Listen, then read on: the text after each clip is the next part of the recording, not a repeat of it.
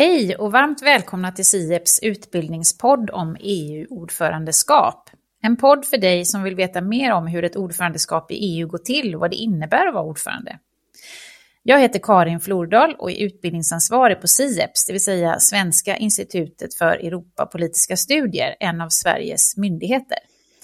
Utöver att ta fram forskningsbaserade analyser av aktuell EU-politik för beslutsfattare på olika nivåer i Sverige så har vi också ett uppdrag att ta fram relevanta EU-utbildningar. Och som ett led i detta så har vi dragit igång en utbildningspodd med anledning av att Sverige ska vara ordförande i EU våren 2023. Vi har nu släppt ett antal avsnitt och har bland annat pratat om vad ett EU-ordförandeskap innebär, vad som är skillnaden mellan det här ordförandeskapet och våra två tidigare svenska ordförandeskap, vilka möjligheter ett ordförandeskap har att påverka EUs agenda och vad det betyder att ordförandeskap kan vara Brysselbaserade. Och så har vi också tagit upp det här med triosamarbete och trioprogram.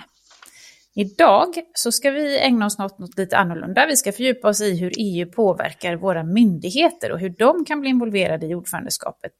Och förhoppningsvis också få höra lite om vilka förberedelser som görs. Och vi kommer under hösten att få träffa några olika myndigheter, men först ut idag så vill jag hälsa Ingmarie Olsson Ressner från Kemikalieinspektionen varmt välkommen. Tack så mycket! Jätteroligt att ni har den här serien så vi får dela med oss av vårt spännande arbete. Ja, kan inte du börja med att berätta var eh, i organisationen du befinner dig på Kemikalieinspektionen? Absolut. Jag kan ta lite allmänt om Kemikalieinspektionen först kanske.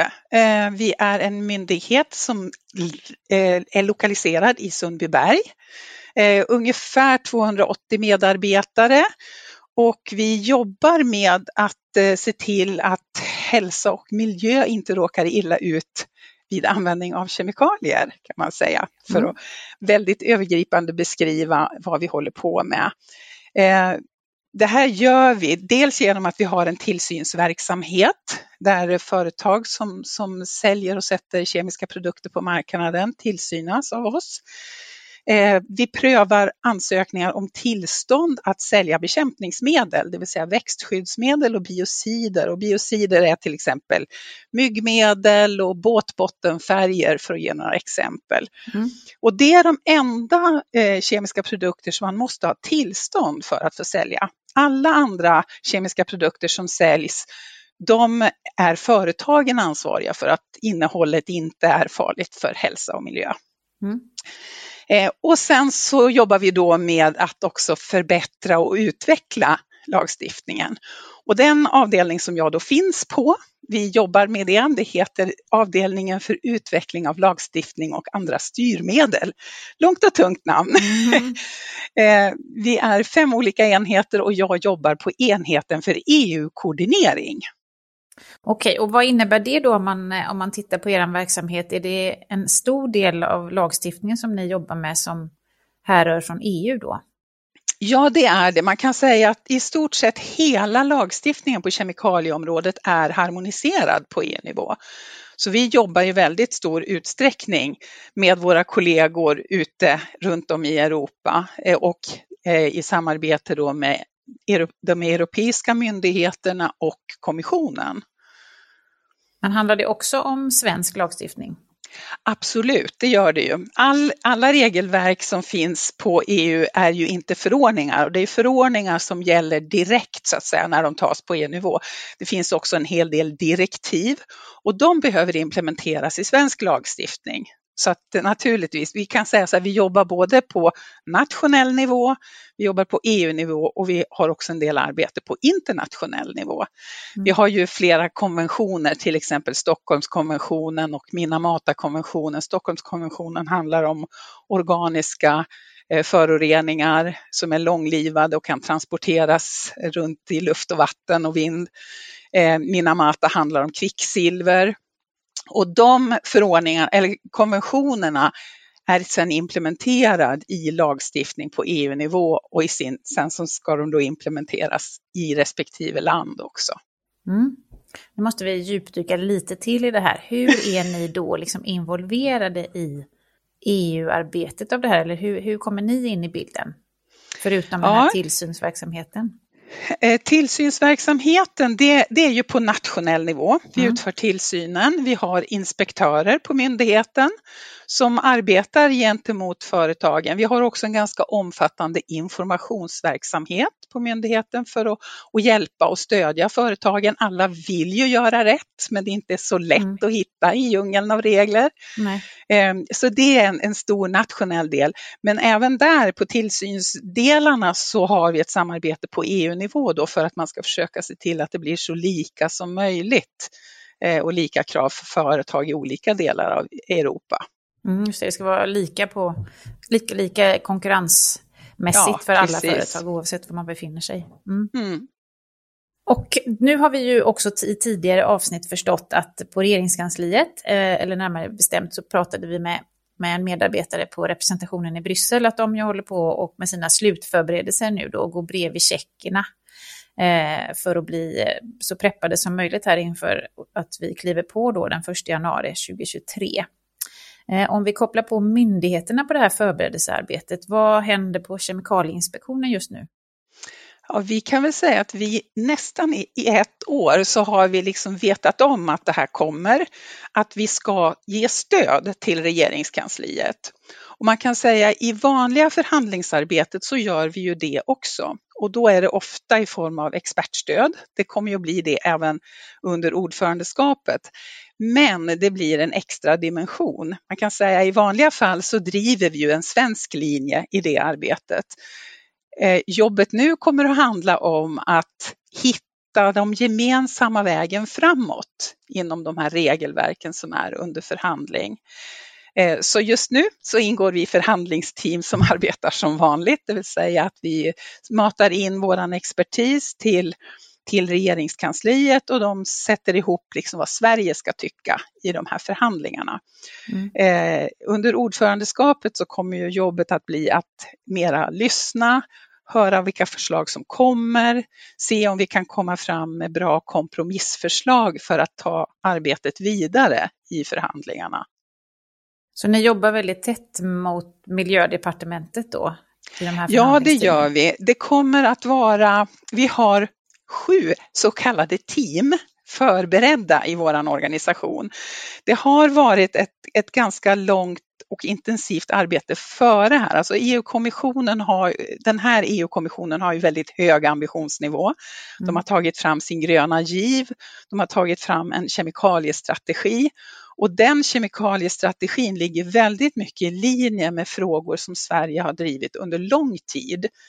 Eh, med ökad säkerhet och förenkling av regelverk och, och, och, så för att vi ska kunna få bättre skydd för människa och miljö. Eh, och en, ett viktigt steg i den här strategin det är att göra översyn av befintliga regelverk och sen komplettera om det behövs ytterligare. Och när man då gör översyner så kommer det ofta förslag på förändringar av regelverken. Och det är ju de förändringarna som vi då kommer in med våran expertis och kan bidra med. Hur, hur ska det här lämpligen se ut? Och alla de översyner som har gjorts nu, som vi vet om, det är alltså sju stycken. Mm. Eh, så där har vi förberett team för att kunna gå in och arbeta under ordförandeskapet. Hur det sen blir, det återstår att se. Men då är det alltså så, bara för att tydliggöra för våra lyssnare, att om man är en, eh, en myndighet som Kemikalieinspektionen som jobbar mycket med just lagstiftningsförslag, då jobbar ni redan innan som experter eh, och, och bistår eh, regeringskansliet, framförallt de som jobbar på miljödepartementet med just de här lagförslagen. Och vidare sen också till de som sitter och förhandlar i Bryssel för Sveriges räkning. Precis, och den stora skillnaden som förmodligen blir nu då, det är att vi kanske behöver åka med till Bryssel i större utsträckning. Annars, tidigare har det varit så att vi har kallats in när vissa sakfrågor har förhandlats. Nu kanske det är så att en eller möjligen två medarbetare från oss får åka med i varje förhandlingsomgång för att kunna liksom följa frågan, ha helheten, hjälpa till till exempel att ta mötesanteckningar, lyssna, vad är det som sägs för att få ihop den här helheten och kunna hjälpa till och ta arbetet vidare. Så vi kan väl säga att vi lånar ut lite personal till regeringskansliet under själva ordförandeskapet och de mer handfast går in i regeringskansliets arbete. Mm. Och hur många skulle du säga av, av eh, era drygt 280 medarbetare kommer vara involverade i ordförandeskapsarbetet på något sätt? Det beror på var du drar gränsen för involverade. Eh, jag tror ju alltså för, det kommer inte att bli så jättemånga som åker till Bryssel eller internationellt då ut i världen. men, men säg att det kanske berör sig om säg mellan, mellan 10 och 20 stycken, lite mm. beroende på vilka regelverk det kommer att bli förhandlingar om. Men sen har vi ju eh, en backup hemma så att säga med en kader med folk som kan spe eh, specialkunniga på vissa områden. Så totalt så är det ungefär 60 personer på som blir liksom involverade i arbetet. Eh, men 40 då hemifrån istället. Ja. Just det, Just det för att man, man pratar ju också om det här med att det, man vet ju inte riktigt hur mycket arbete det kommer att bli. Så att man, ni har också tänkt i tankar av att man måste ha lite backup för vissa personer så att det inte blir för mycket. Man måste Absolut. hålla ut också. Mm. Absolut. Eh, det är ju så, själva tiden då man är nere i Bryssel och förhandlar är väldigt intensiv. Och sen är det en ganska intensiv arbetsperiod direkt efter när man kommer tillbaka också då man ju ska ta fram det här nya förslaget till nästa förhandlingsomgång. Eh, och då för att man ska hinna återhämta sig lite så är det ju viktigt att vi har kollegor här hemma då som kan kliva in och stötta upp och hjälpa till då under, i den fasen av arbetet. Mm. Och det vet vi också att myndigheter i Sverige ser ju väldigt olika ut. Eh, de har olika uppdrag och man jobbar också mot olika departement. Men utifrån ert perspektiv och de uppdragen som ni har, eh, de förväntningarna som har funnits på er, tycker ni att ni liksom ligger i fas med, med förberedelsearbetet och samarbetet med ert departement och så?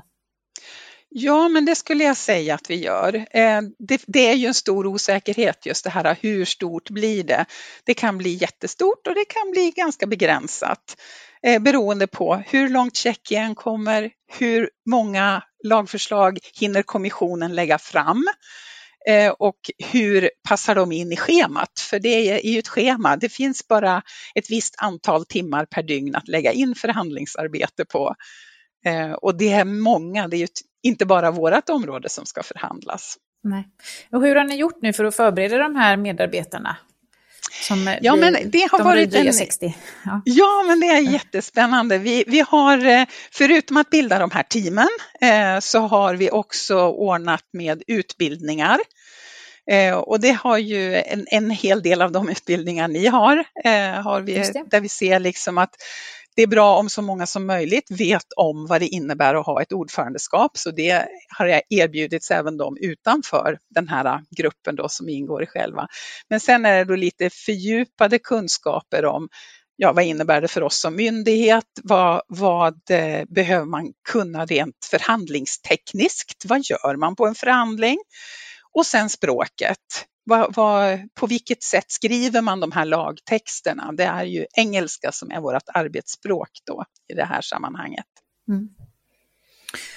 vi har också förstått att eh, en del myndigheter har ju fått i uppdrag av departementen att hjälpa till och anordna konferenser under liksom ordförandehatten. Är det någonting som ni Eh, nej, inte, vi har inga särskilda konferenser som vi ska ordna. Eh, däremot i det internationella arbetet så är det ju en extra dimension och där kommer ju våra medarbetare att vara mer direkt involverade. Eh, de internationella förhandlingarna har liksom man säga, två skeden. Ett skede då EU som grupp förbereder sig så man förbereder sig och arbetar på EU-arenan. Sen åker man till förhandlingen och arbetar i förhandlingen. Och då har man också under pågående förhandling extra möten med medlemsländerna i EU för att prata ihop sig. För det händer ju saker på förhandlingar så det man bestämde från början kanske behöver justeras på vägen. Mm. Så där har vi, men vi har inte några särskilda enskilda konferenser som vi behöver. Och det konstaterades ganska snabbt att med så här många regelverk i pipeline så kommer det inte att finnas utrymme för särskilda Nej. konferenser. Men det, det, är ju en stor global konferens som ligger i slutet av februari, början av mars, där man ska mm. fortsätta det arbetet mot de globala målen. Mm. Det har ju funnits en, en, eh, kemikal, en global kemikaliestrategi som förkortas för SAICM, som egentligen gick ut 2020. Så precis när pandemin började, då skulle man jobba fram den nya strategin. Mm. Det har ju mm. fått vila lite, men nu blir det då aktuellt att dra igång det arbetet igen. Så det drar igång i slutet av februari. Eh, och sen har vi då ett stort konventionsmöte i början av maj då Rotterdam, Stockholms och Baselkonventionen ska förhandlas, där ju vi då ansvarar för Rotterdam och Bas eh, Stockholmskonventionen. Just det, och för att förtydliga lite grann för tittarna igen här då, så innebär alltså de här internationella konferenserna och mötena att man i det första steget så kommer det åligga på Sverige att samordna EU27 Ja. Och sen leda den delegationen och sen också vara då ordförande för EU27 när man sitter med de andra parterna från övriga delar av världen. Precis.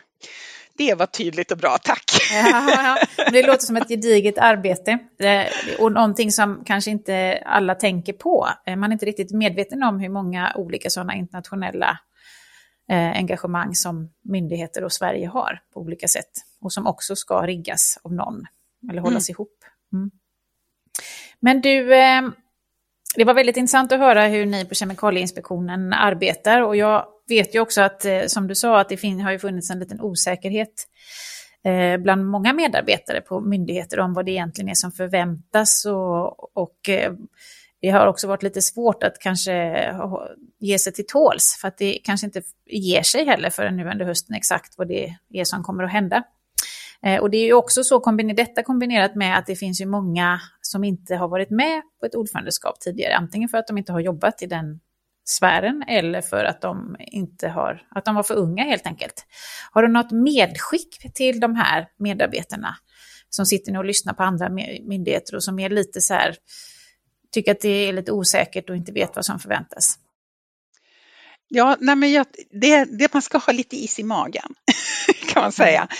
Men alltså att, att, gärna förbereda sig för uppgiften, det vill säga vad är, vad är det jag förväntas jobba med? Och så kan man ju läsa på om det. Eh, sen exakt vad det blir, det kommer man inte att kunna förbereda sig med. Så att det är också det här att vara förberedd på att ja, nu har jag förberett mig på det här. Det kanske inte blir exakt så. Eh, så att det blir ett intensivt arbete, förmodligen inte helt som vi har föreställt oss. Eh, så det kommer att krävas en väldigt hög grad av flexibilitet. Eh, samtidigt tycker jag att man ska tänka på att är man där så är man där för att man kan sitt område bra. Eh, och det är nog inte någon annan som kan det bättre. Nej, man får lita på det. Så att om man, om man gör sitt bästa och bidrar med det man kan så kommer man att nå väldigt långt med det. Det är jag helt säker på. Det var ett bra medskick tycker jag. Man ska lita på sin egen kompetens. Ja. Mycket bra. Varmt tack till dig Ingmarie Olsson Restner från Kemikalieinspektionen för att du var med oss i podden idag. Tack också till alla er som har lyssnat och på återhörande.